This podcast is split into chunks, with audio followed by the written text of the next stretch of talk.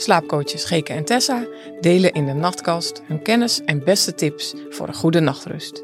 En stellen je graag gerust omdat iedereen weer beter kan leren slapen.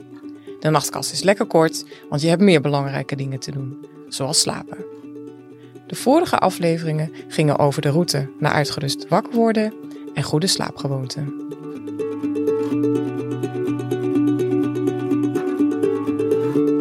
Hallo Tessa. Hallo. Ben je er weer klaar voor? Ja, volgens mij wel. Dat is mooi. Ehm, want ik ben benieuwd. We starten eigenlijk elke podcast dat we met een vraag. Hè? En ehm, ik ben benieuwd, eh, hoe was jouw dag tot nu toe? Nou, is misschien een, eh, een kort verhaal. Ja, Want, het is eh, vroeg nog. Het is, het is begin van de ochtend. Nou, ik ben natuurlijk opgestaan en dat, dat begint altijd eigenlijk zonder wekker. En want wij hebben onze persoonlijke wekker en dat is onze zoon. En die, die komt altijd eh, met de deur in onze slaapkamer naar binnen vallen, zeg maar. En die eh, heeft zin om dan meteen aan de gang te gaan. En wij vinden het toch wel fijn om eventjes rustig wakker te worden. Ehm, dus zo begint onze dag eigenlijk, dus met onze persoonlijke wekker. Nou, en dan eh, verdelen we eigenlijk de taken. De een gaat naar beneden om het ontbijt te maken en de ander eh, gaat vast aankleden. En nu heb ik nog wat spulletjes klaargezet om, om mee te nemen naar deze opnamestudio. Een klein stukje gefietst. Het was lekker weer. Eh, dus even een fris hoofd gekregen en eh, hier, eh, hier neergeploft. Heerlijk, je bent er klaar voor. Zeker. We gaan het vandaag hebben over onmisbare kennis over slaap. Ja, want wat gebeurt er nou eigenlijk als je slaapt? In de vorige afleveringen hebben we het daar natuurlijk ook al wel een beetje over gehad. Eh, maar vandaag gaan we daar wat dieper op in. Laten we gewoon starten met de uitleg van hoe ons brein nou eigenlijk slaap ziet. En dat ziet er eigenlijk uit, ehm eh, dat wordt ook wel soms weergegeven in een soort van hypnogram. Dat is een grafiek. Als we kijken naar onze slaap, dan eh, bestaat slaap uit eh, verschillende slaapcyclussen. En eh één zo'n slaapcyclus heeft ook weer verschillende fases. En één slaapcyclus duurt ongeveer 90 tot 120 minuten. Ehm, en start eigenlijk vanaf het moment dat je wakker bent en lekker in je bed gaat liggen bij de inslaapfase. Ehm, je trekt de deken over je heen. Je gaat lekker liggen. Je sluit je ogen. En tijdens deze inslaapfase ben je altijd nog een beetje aan het nadenken van, goh, wat heb ik vandaag gedaan? Wat ga ik morgen doen? En vervolgens kom je in een lichte slaap terecht. En ongeveer 50% van de nacht breng je door in die lichte slaap. En in die slaapfase zijn ook nog veel zintuigen actief. Zo kun je nog goed ehm, horen, ehm, ruiken, proeven. En vervolgens ga je naar een diepe slaapfase. En dat is echt alsof er een lichtschakelaar wordt omgezet. Want één op ander moment ga je van die lichte slaap naar die diepe slaapfase. En tijdens die diepe slaapfase, daar wordt groeihormoon aangemaakt. En groeihormoon zorgt ervoor dat je groeit en dat je herstelt. Na die slaapfase ga je naar de remslaap. En remslaap staat ook wel voor je droomslaap. Daar ben je lekker aan het dromen. En rem is een afkorting voor Rapid Eye Movement. In die fase van jouw slaap gaan je oogpupillen bijna net zo snel heen en weer dan op het moment dat je wakker bent. Er is dan heel veel hersenactiviteit gaande. Je bent dan best wel veel nou ja, mentaal aan het verwerken. Daarna heb je eigenlijk één slaapcyclus afgerond. En kort daarna word je eventjes wakker. Uh, soms heb je dat door, uh, soms niet.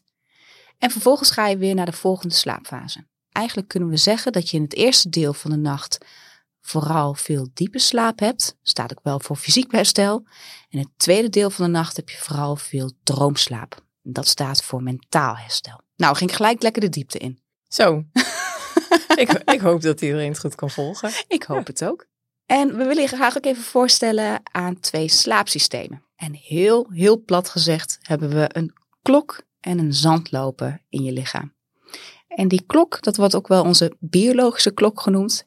Um, die heeft een uh, ritme van ongeveer 24 uur. En daar vinden allerlei processen plaats. Zo heb je momenten op de dag dat je lichaamstemperatuur wat hoger is, of je bloeddruk. Uh, soms, soms is je lichaamstemperatuur ook wat lager. En drie hormonen spelen daarin een belangrijke rol. Gemiddeld rond 9 uur in de avond, en dat is voor iedereen verschillend, maar dat is een gemiddelde, wordt het slaaphormoon melatonine aangemaakt. En dat zorgt ervoor dat jij lekker in slaap valt. Dat slaaphormoon, dat wordt ook wel het Dracula-hormoon genoemd. Want Dracula, dat komt alleen tevoorschijn als het donker is. Dat doet dit hormoon ook. Dit hormoon wordt gedurende de nacht aangemaakt. En in de ochtend, als jij wakker wordt, dan neemt het stresshormoon cortisol het stokje over. En dat is maar goed ook, want die zorgt ervoor dat jij uh, kunt gaan opstaan. Uh, dat je je gaat klaarmaken voor de dag, uh, naar werk, school. Um, nou, ga zo maar door. Vervolgens wordt gedurende de dag het gelukshormoon serotonine aangemaakt. En die gelukstofjes die heb je uiteindelijk nodig om in de avond melatonine aan te kunnen maken. Daarnaast heb je die zandloper. S'morgens als jij wakker wordt, dan wordt die zandloper wordt die, eigenlijk omgezet in jouw brein. Wordt ook wel het homeostatisch systeem genoemd. En in dat zandlopertje zijpelt slaapdrukstof. Adenosine wordt het ook wel genoemd. En dat stofje dat zijpelt gedurende de dag door dat zandlopertje. En aan het einde van de dag heb je voldoende slaapdrukstof opgebouwd. Oftewel slaapdruk om lekker in slaap te kunnen vallen. Nou, zo werkt dat eigenlijk. Dus met een klok en een zandloper.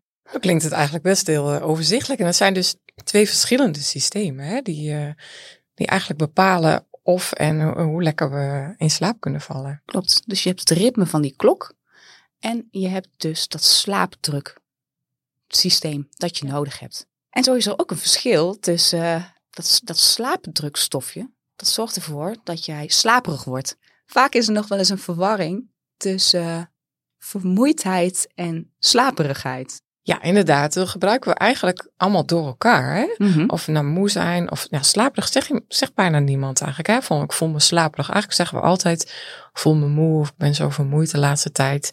Um, maar wij vinden het eigenlijk wel handig om daar toch onderscheid in te maken. Hè? Dus als mensen bij ons komen, dan stellen we eigenlijk altijd die vraag. Hè? Maar leg nou eens uit, hoe voel je je?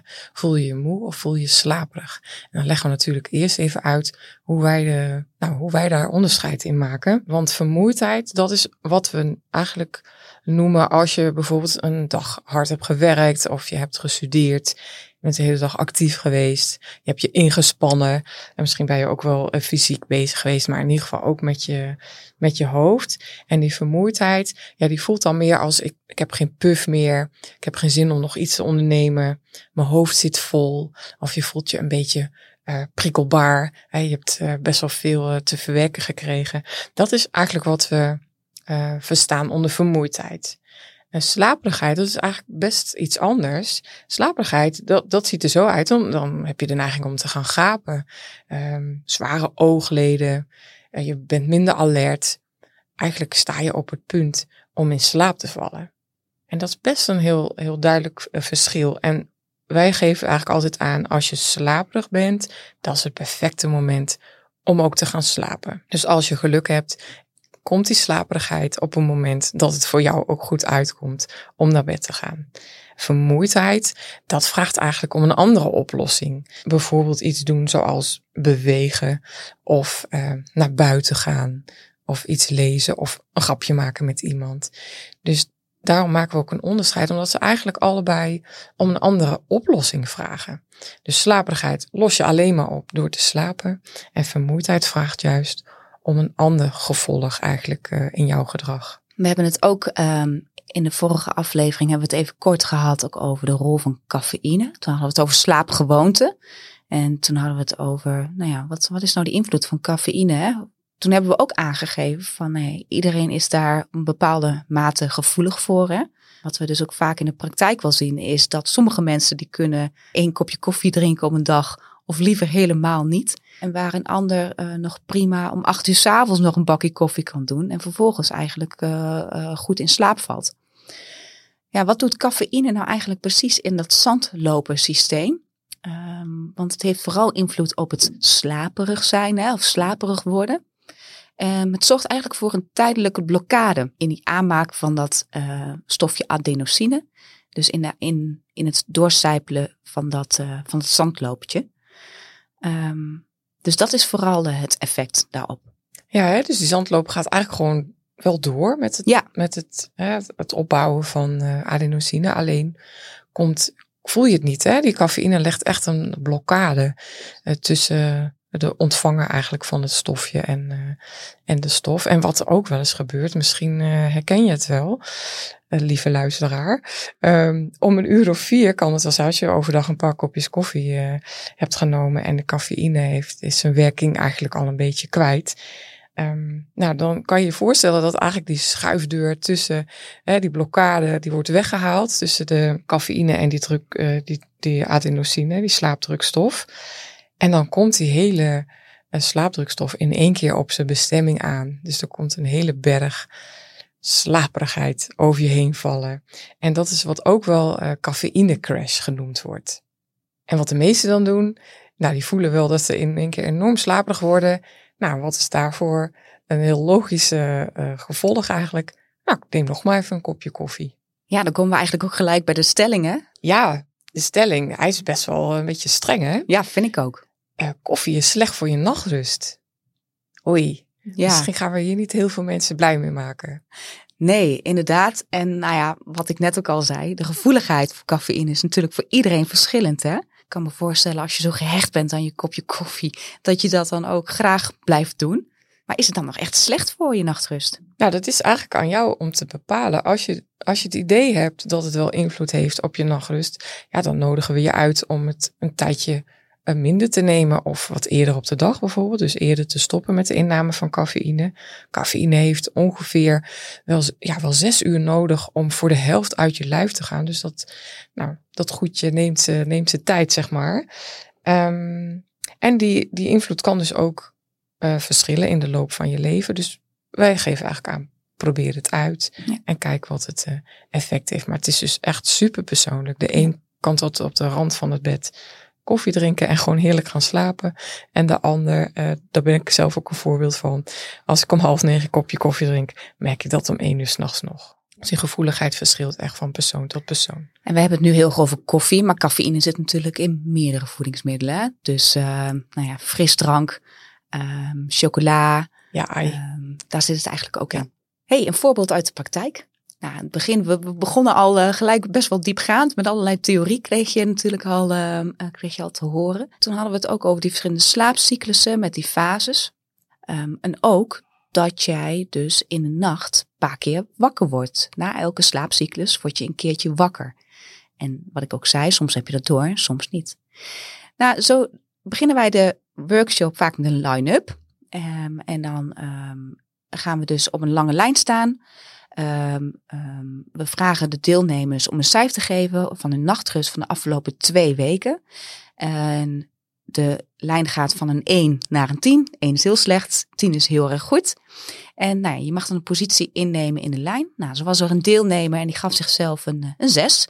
Dus ik vroeg aan uh, diegene, ik zeg, goh, waarom geef je jezelf een 6? Nou, ja, ik word uh, nogal vaak wakker in de nacht of vaak wakker. Ik zeg, oh, nou, hoe vaak is dat dan? Nou ja, uh, twee, drie keer. Ik zeg, oh, en ben je dan lang wakker? Of ben je dan kort wakker en val je dan eigenlijk gewoon weer in slaap? Nee, ik ben eigenlijk gewoon kort wakker en dan val ik daarna weer in slaap. Nou, en toen vervolgens uh, gingen we allemaal weer zitten. Ging ik de theorie inderdaad vertellen over hoe die slaapcyclussen werken. Nou, en met die korte momenten van wakker zijn in de nacht.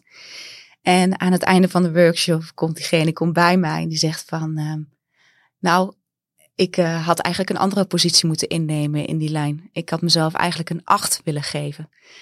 Omdat ik niet wist dat dat erbij hoort. Dat, ik, dat het normaal is om dus af en toe eventjes wakker te worden in de nacht. Dus dat vond ik wel een heel mooi voorbeeld van uh, zeker hoe je voorbeeld. hele beleving ja. uh, dan anders kan zijn. Ja. ja. En ook wat dus maakt als je wat kennis opdoet over slaap, dat je dingen beter begrijpt. En dat het misschien ook je, je blik op je eigen slaap wel kan veranderen. Precies. En daarom hebben we ook de L, licht op slaap, toegevoegd aan ons stappenplan. Dan heb, dan heb ik een tip. Ja. Da -da -da -da. Maak een lijstje van wat jij kan doen als je je vermoeid voelt overdag. Denk bijvoorbeeld aan uh, pauze nemen. Dat kan je allemaal op dat lijstje zetten. Even naar buiten, iets lezen, een vriend bellen of misschien wel sporten. En waarom zeg ik nou zet het op een lijstje? Nou, als je vermoeid bent, dan is het best wel lastig om te bedenken wat goed voor je is. Daar kom je eigenlijk niet toe en je hebt ook helemaal geen zin om over te stappen op iets nieuws. Dus meestal komen we dan niet verder dan op de bank ploffen en misschien een serie kijken. Dus maak dat lijstje, zorg dat je bij de hand hebt en kies dan iets uit wat je goed doet. Ons boek, De Slaapgids, helpt je bij het ontdekken van je eigen slaaproute. Overal te koop en ook rechtstreeks te bestellen via www.deslaapgids.nu boek. Bekijk de show notes voor meer informatie over deze aflevering en hoe je ons kunt bereiken. We horen graag van je terug wat je van deze nachtkast vond. We deelden de belangrijkste kennis over slaap in deze aflevering. Je weet nu meer over de verschillende slaapfases, de klok en de zandlopen in je lijf, het verschil tussen vermoeidheid en slaperigheid en ook wat de signalen van slaperigheid zijn en de invloed van cafeïne op je slaap. De volgende keer vertellen we je alles over bioritme en chronotype. We hebben namelijk allemaal ons eigen ritme en we moedigen je aan om lief te zijn voor je eigen ritme. Slaap zacht voor straks.